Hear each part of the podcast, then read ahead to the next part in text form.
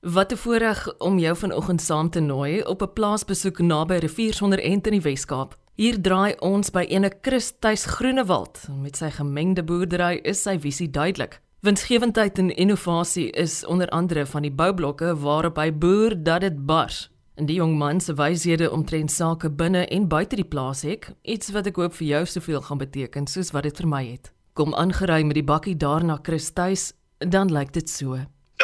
Nou kunsmis gesaai en gif gespuit en hier na Augustus maand toe, September maand sal dit die hele wêreld daar goudgeel wees van die canola.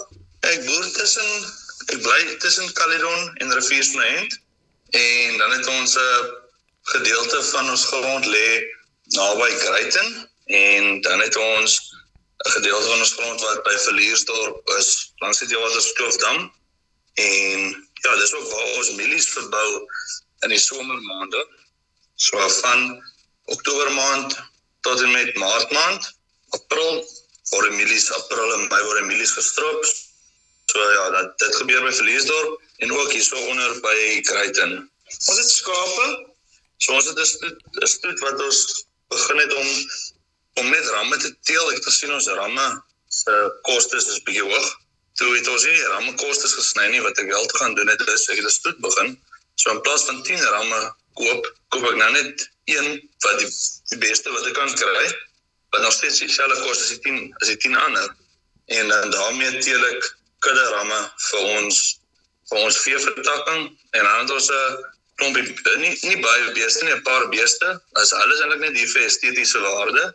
Ja, verder het ons 'n wintergraan saaiery wat ons doen. So dit die wintergraan boerdery is is my grootste komponent en gevolg deur die somermielie komponent en as dit die skape. Dit het baie onlangs begin groen raak. Ons het 'n verskriklike droë somer gehad. So 'n week, twee weke terug sou ek vir gesê het hierso tussen die brein geploegde lande bly ek. Maar dit het ons het is geseën geweest twee weke terug met baie goeie reën wat help vir ons opkoms van ons graan. So dit is besig om baie mooi groen te raak by ons. En uit die kantoor uit kyk ek reg op die op die blou berge. So en ek kan die hele werfhok van hier af sien. So dis hoe dit hier by my lyk. Waar het jy groot geword? Op die plaas. Ek bly in die oorspronklike familieplaas so huis op die opstal van die oorspronklike familieplaas.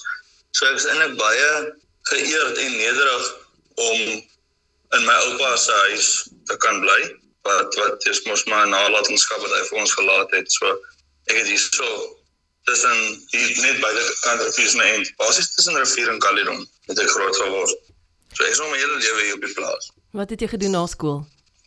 Na skool as ek Elsenburg Landbou College toe. Ek het my BA graad daar gaan doen. Dit het vir my 3 jaar gevat om die die, die 3 jaar kursus klaar te maak en toe was ek 2 jaar het ek plaas toe gekom Daarna is ek vir 'n jaar Amerika toe. Ek wou altyd Amerika toe gegaan het om te gaan boer daarso want dit is 'n um, amper 'n uh, tipe van 'n uh, hoe kan ek nou sê, kan nie sê ek klise nie, maar tipe van 'n metode wat baie jong ouens, baie van my vriende van Elsenburg is die jaar nadat hulle klaar gemaak het is oor see. Ek ja, ek het dit baie baie geniet. Dit was nou tot 'n mate ons het mos nie meer in diensopleiding nie, maar dit was tot 'n mate my jaar van 'n diensopleiding van selfkos maak, selfklere was. En toe kom ek einde van daai jaar kom ek terug, 2016 het ek teruggekom. Toe sluit ek voltyds aan by die boerdery. Ek het wel van daai kant af nog steeds baie van die papierwerk en betalings grootliks en al daai dit ek van daai kant af nog steeds gedoen omdat ons tye anders te was in die aand na werk daar was werkstyd hierso. Ek kon 'n gedeelte nog steeds my pa toe help laat hy nie alles alleen administrasie aanbetref hoef te doen nie. Waar was jy daar? Ek was in Noord-Dakota, so 60 myl van die Kanadese grens af en ek het gewerk vir 'n landbou, dis 'n landbouchemiese maatskappy. Hulle het ook spuitvliegtuie en ons het gif chemikalieë verskaf aan ander boere. Ons het 'n saad, saad, mieliesaad en sojas het ons verskaf En ons het ook 'n vloeibare kunsmisaanleg gehad. En daai het goed. Ja, ek het die geleentheid gekry deur 'n baie goeie vriend van my. En ek sê vir hom, "Jong, ek is aan stropery en daai tipe goed, maar Ek weet niks van vliegtye af nie, maar dit klink vir my nou baie en kom ons kom ek try dit. So ek hou baie ek hou daarvan om myself uit te daag en om iets nuuts te leer. So ja, dit was my uitdaging so in my kraal. Dit ek was die enigste Suid-Afrikaner wat by daai ou gewerk het. Ek was hier op 'n vliegtuig geklim. Ek het nie geweet hoe lyk die ou vir wie ek gaan werk vir die volgende jaar nie. Dis die eerste keer dat ek internasionaal gevlieg het. So dit was baie hoogtepunte in een reis wat eintlik my sien weer agtergehad het, maar ek het elke oomblik daarvan geniet. Ek hou ek, ek is baie erg oor so impulsiewe en onsekere goed wat ek moet bestuur. Verstaan so ek ek hou van challenges en sulke goed. En sulke bestuur goed. Stem jy saam dat die ouens daar aan die kant beslis 'n ding of twee by ons boere ook kan leer? Definitief. Die heel eerste ding wat ek nogal opgemerk het dat hulle mond oor opgehang het is dat ons tweetalig is.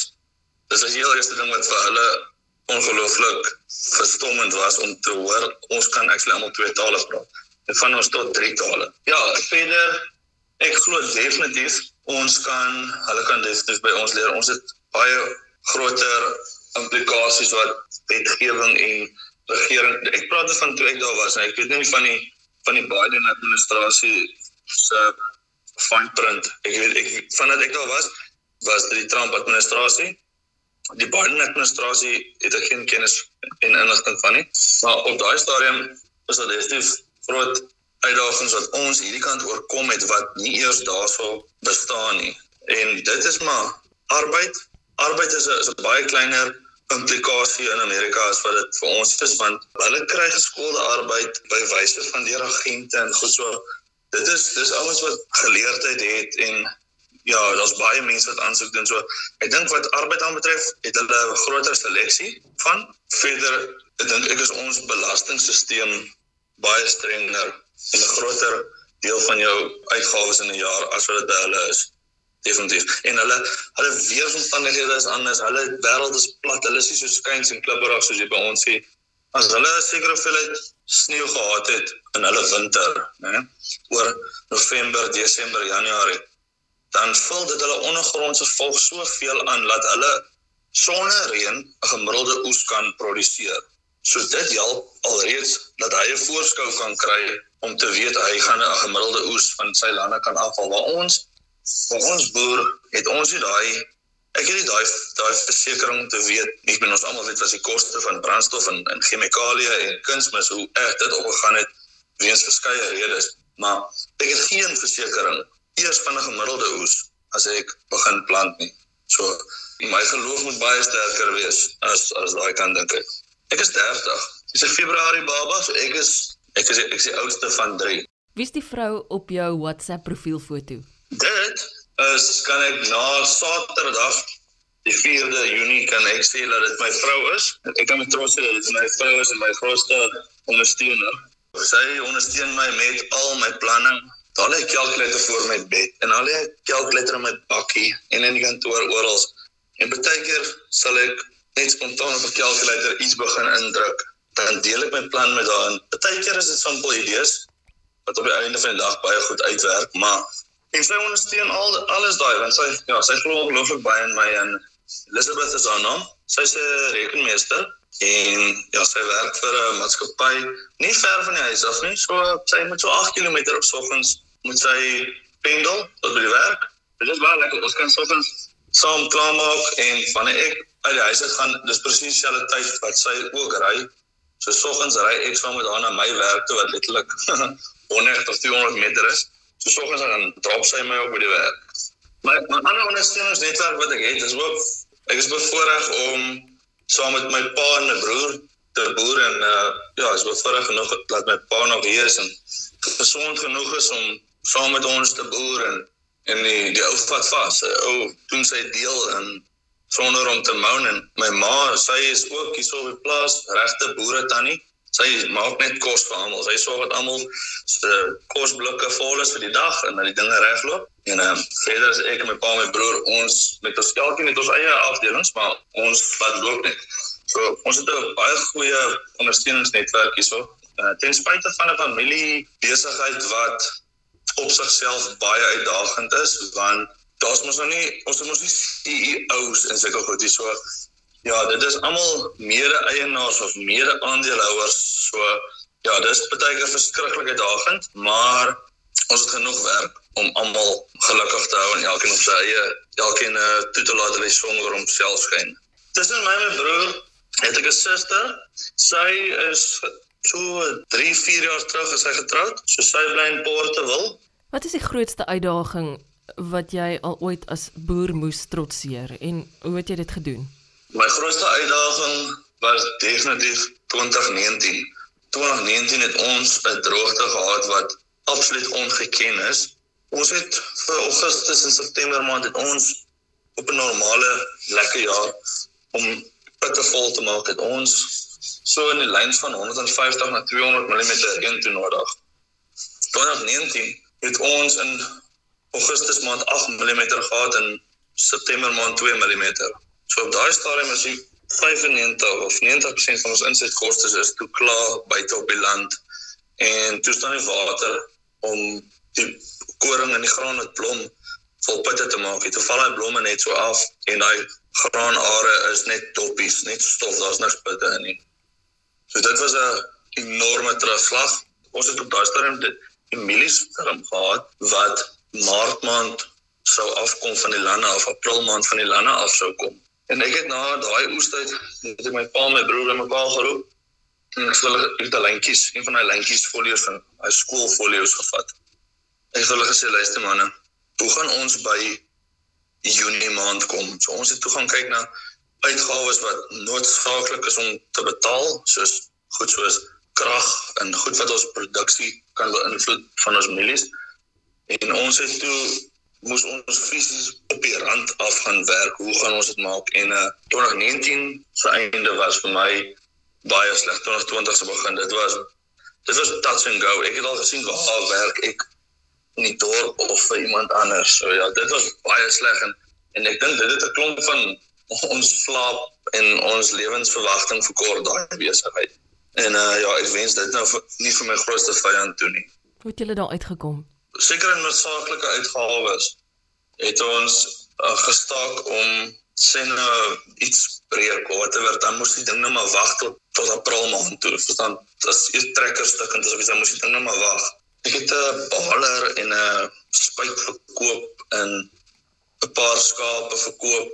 Ja, so ek moes maar toe sulke goed doen net om vir Maart maand te kan haal. En toe daai mielies was sop sop sop nat, maar toe was daar nie 'n opsie nie. Toe dit Maart maand raak toe moet daai mielies afkom en uh die ander ander ding is wat wat oor teer gemaak het is my pa het so met die jare het hy geld gespaar by die koöperasie en ons hy sê vir my jong dit is my aftrede my ma se aftrede geld en maar hy sê hy is bereid om om dit vir ons beskikbaar te stel ons net by maartmaand kan kom met die ooreenkoms dat ons elke lewe sent sal terugbetaal wat wat ons toe het want hy sê as ja nou nie hy en ma het aftrede geld en die boerdery maak dit hy sê vandag gaan hy dit in elk geval maak want sy lewensverwagting gaan nog te lank wees vir die hoeveelheid dit al reeds gespaar het. Toe kon ons daai geld gebruik om die eerste knop deur te haak en ander ding wat my pa my geleer het is hy het my gesê dit het ek net my eie oë gesien. Hy het my gesê spaar jou geld as dit goed gaan want jy brei uit in die swak jare. So sê spaar jou geld in die goeie jare want jy brei uit in die swak jare. En dit het ek gesien ons het daai plaas gekoop by Verleersdorp toe daai dam 8% in gehad het. Die plaas het weer koper gehad het. Toe het almal vir ons gesê hulle is mal want die wat skloof dam is leeg. Dit was toe met 1000 euro besigheid man. Dis ek dis alright. Môre oor môre is daai dam weer vol en dan sit ek op die wal. En dit het ons gedoen toe dit droog was en in die wat ons toe as ek weer terug by 2020 Februarie, Maart maand in die toe dit so droog is en ons weet nie ons Maart se mielieoes gaan sien nie. Kom daar toe ander geleenthede oor ons pad om grond te huur. Presies soos my pa gesê dit gaan gebeur. Toe het ons met die met die grondeienaar uh, om die tafel gesit en vir my hele situasie verduidelik om te sê niks kan nou gebeur voordat ek nie 'n mieliepit geoes het nie. Gelukkig was hy vir ons genadig genoeg om vir ons te sê luister hierso, hy kan sien die kalf is by almal in die put het nêrens gereën nie. Dit is 'n baie swaar jaar en so het hy vir ons 'n geleentheid gegee en uitstel gegee En dis nog lank nie die einde van hierdie merkwaardige storie nie. Maak 'n knoop in die oor en sluit volgende Saterdag weer by my aan om te hoor hoe die jong legende sy besigheid meer as verdubbel het, so na hy byna 'n bestaanskrisis in die gesig gestaar het. Ek is Eloise Pretorius en ek sien daarna uit om binnekort weer saam met jou nog baanbreker en dankbare boere soos Christus Groenewald te ontmoet. Totsiens.